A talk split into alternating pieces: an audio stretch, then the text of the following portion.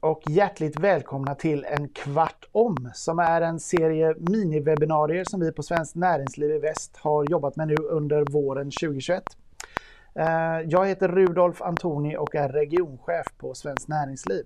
Och vid varje sånt här miniwebbinarie så eh, ger Svenskt Näringsliv möjlighet för en av sina medlemsorganisationer att lyfta sin bransch och sin branschs viktigaste frågor.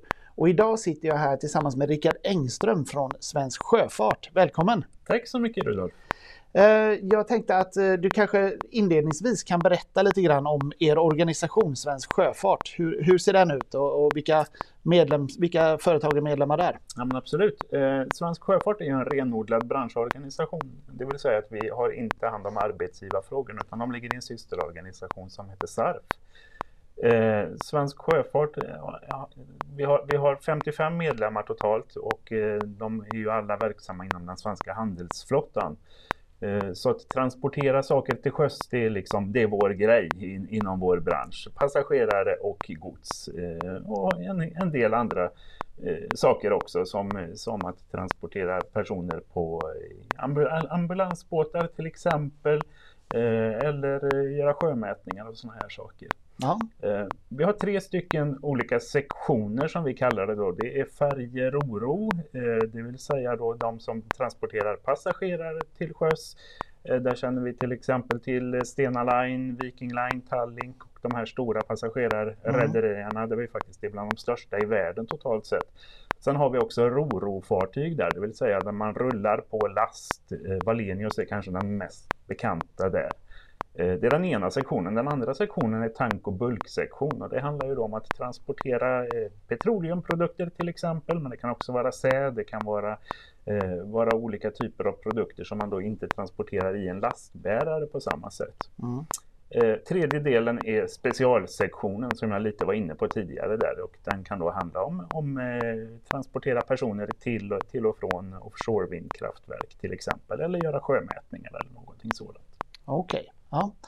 Uh, om vi, det vi ska prata om här idag är ju egentligen betydelsen av svensk sjöfart för, för Sverige som helhet. Uh, och jag, vi kan väl börja där, alltså, vilken betydelse har svensk sjöfart för Sverige? Ja, eh, sjöfarten totalt, egentligen kanske inte just svensk sjöfart utan sjöfart totalt har en oerhört stor betydelse för Sverige.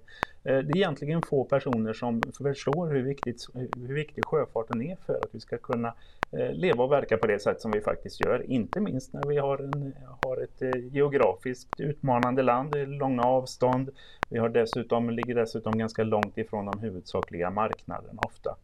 Eh, det innebär att vi, vi transporterar ungefär 90% närmare 90% av alla varor, allting som vi ser runt omkring oss har någon, gått, någon gång transporterats på sjöfart. Sen har det förstås också transporterats eh, vidare med lastbil och så vidare. Det är ett stort transportsystem och sjöfartens roll i det är oerhört viktig. Mm. Det är för godsperspektivet. Sedan så har vi passagerarperspektivet också. Där transporterar vi ungefär 30 miljoner passagerare till och från Sverige ett vanligt år. Ungefär lika många resenärer som SJ har ett normalår. Så det är en oerhört stor och viktig näring. Om du, vi är inne där på, på passagerartrafiken, vad, vad, vad innebär det här? Hur, vilken betydelse har det för, för Sverige och för andra företag i, i exempelvis besöksnäringen tänker jag? Ja, men det är ju förstås oerhört viktigt att vi, att vi får turister till Sverige, inte minst, som åker runt och ser sig om i vårt vackra och avlånga och, eh, och fina land. Eh, det är förstås viktigt för handeln, det är viktigt för hotellen och så vidare. Så det finns en, finns en väldigt stor spin-off-effekt på det här att vi faktiskt transporterar personer till och från landet. Mm. Under ett normalår ska väl tilläggas. Det, ja. det, är ju inte där vi är för närvarande. Nej, det är ju lite grann om, om vi tar det perspektivet då. Vi har ju haft ett väldigt ja, speciellt år och är fortfarande inne i, i eh, speciella omständigheter där med, med restriktioner och pandemier och, och allt vad det är. Uh, hur, hur mår svensk sjöfart idag?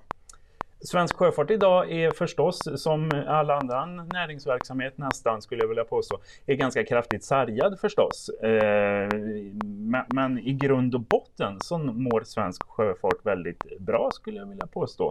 Eh, om vi bortser ifrån det här senaste problematiska året då, eller dryga året nu, Eh, men vi har en väldigt stark hållbarhetssatsning inom svensk sjöfart. Vi ligger i den definitiva framkanten inom säkerhetsaspekter, inom miljö och klimataspekter, inom forskningsområden, så vi ligger definitivt väldigt långt fram. Sen är det klart, man kan inte sticka under stol med att under senaste åren så har ju framförallt då färjerederierna drabbats oerhört hårt när man inte har haft några passagerare. Och de har ju en affärsmodell att de behöver transportera passagerare och de behöver transportera gods. Och fallerar det ena så, så går helt enkelt inte affärsmodellen ihop. Mm. Det ser vi dessvärre också på ekonomiska resultaten under 2020. Mm, mm. Eh, om, om vi tittar på, på det här du pratar om upp till 90 procent av alla all import uh, i, i, Sverige, alla varor som finns här har någon gång eh, forslats via, via sjön eh, på något sätt. Eh, vilken betydelse skulle du säga att, att sjöfarten har just för, för industrin och för att förse företag med eh, produkter att förädla och, och eh, komponenter och så här? Ja, det, det, går, det går nästan inte att överskatta skulle jag påstå. Ehm, hade vi inte haft sjöfarten så hade vi haft en oerhört mycket mer ansträngd situation förstås. Det går nästan inte ens att tänka sig det perspektivet. Basnäringarna förstås i Sverige är oerhört beroende av att vi har effektiva transporter, inte bara sjöfart, utan effektiva transporter totalt sett för att man ska kunna ta produkter in och ut ur landet. Inte minst så kopplar ju detta förstås till eh, den problematik vi har vintertid. Eh, när vi har is till exempel. Eh, och då behöver vi ha en is, isröjning. Vi behöver ha en vinterväghållning även till sjöss. Eh, det är förstås ett stort bekymmer. Eh, det driver också kostnader vilket, vilket då drabbar näringen och drabbar förstås ytterst transportköparna. Det här, det här landar i politiska prioriteringar och en infrastrukturproposition nu som eh, eh visar eh, inriktningen så att säga. Och vad, vad har ni från Svensk Sjöfart för syn på, på den? Ja, det, finns del, det finns förstås delar som är bra i infrastrukturpropositionen, inte minst den här principen som Thomas Eneroth brukar säga att lagt kort ligger, det vill säga att de, de projekt eh, Eh, de satsningar man har aviserat tidigare, de ligger fast.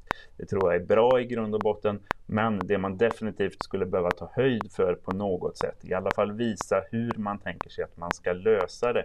Det, det handlar om isbrytarfrågan. Vi står nu inför en situation där Sjöfartsverket säger att man behöver satsa på, man behöver bygga tre nya isbrytare inom en nära framtid.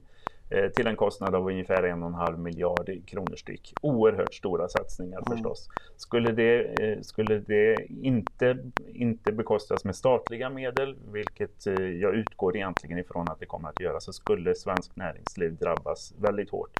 Det skulle synas på arbetslöshetssiffrorna. Det skulle definitivt synas på de satsningar som man gör i norra delen av Sverige. Eh, för alternativet till den statliga finansieringen är ju att man finansierar det via ökade farledsavgifter. Och de kommer att drabba alla egentligen. Eh, farledsavgifterna tas, tas inte ut bara av de som använder sig av isbrytning utan då blir det även av den typen alla. av trafik som inte använder sig av isbrytning. Så mm. det, skulle, det skulle bli oerhört, oerhört eh, kännbart för Sverige. Mm.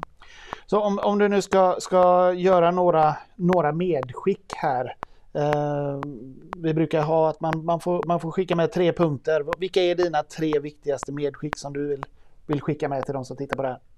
Ja, men då skulle jag vilja skicka med att eh, svenskt eh, näringsliv är helt beroende av att vi får en statlig finansiering av isbrytarna. Eh, det handlar inte bara om att finansiera isbrytarna så att isbrytarna finns fram, utan det handlar också om att vi måste säkerställa att vi har en statlig finansiering för vinterväghållningen till sjöss. Det vill säga driften måste staten, måste staten ta hand om i det avseendet också. Eh, sedan så skulle jag också vilja påstå att svenskt näringsliv är väldigt beroende av att vi har effektiva transporter för att man ska kunna vara konkurrenskraftig på en internationell marknad. Eh, och det tror jag är väldigt viktigt att man tar höjd för från ett politiskt perspektiv. Eh, sedan den tredje punkten skulle jag vilja eh, lyfta någonting som vi framförallt arbetar tillsammans med våra fackliga eh, kompisar i Seko, Seko Sjöfolk och Sjöbefälsföreningen. Det handlar om svenskflaggade fartyg. I dagsläget så har vi ungefär 100 svenskflaggade fartyg. Det är en situation som är besvärande. Den är egentligen inte besvärande för sjöfarten som sådan utan den är besvärande för den maritima näringen för att vi ska kunna kompetensförsörja Sverige, myndigheter, bankförsäkring med sjöfartskompetens där det behövs på olika håll. Eh, då behöver vi också ha betydligt fler svenskflaggade fartyg. Det driver också på utbildningsväsendet och så vidare. Så där finns det en stor, en stor betydelse. Och, och vilken, vilken väg bör man gå för att få fler svenskflaggade fartyg? Från, från eh, det här samverkans, eh, samverkan med facken som vi kallar för blå tillväxt så har vi pekat på tre stycken viktiga saker. Det ena handlar om att vi ska utveckla det som kallas tonnageskatten. Det andra, handl det andra handlar om att vi ska återinföra något som kallas för nettomodellen. Och det tredje handlar om en stämpelskatt på fartygen. Idag har vi en stämpelskatt på fartyg som är direkt, eh, direkt skadlig för Sverige skulle jag vilja påstå. Eh, det behöver man se över, så har man gjort i andra länder och då ser man också att flottorna stiger. Mm. Då så. Tack så hemskt mycket Rickard Engström från Svensk Sjöfart och för att du gav oss en bild av sjöfartens betydelse för det svenska näringslivet och konkurrenskraften. Tack för att ni har tittat. Tack så mycket.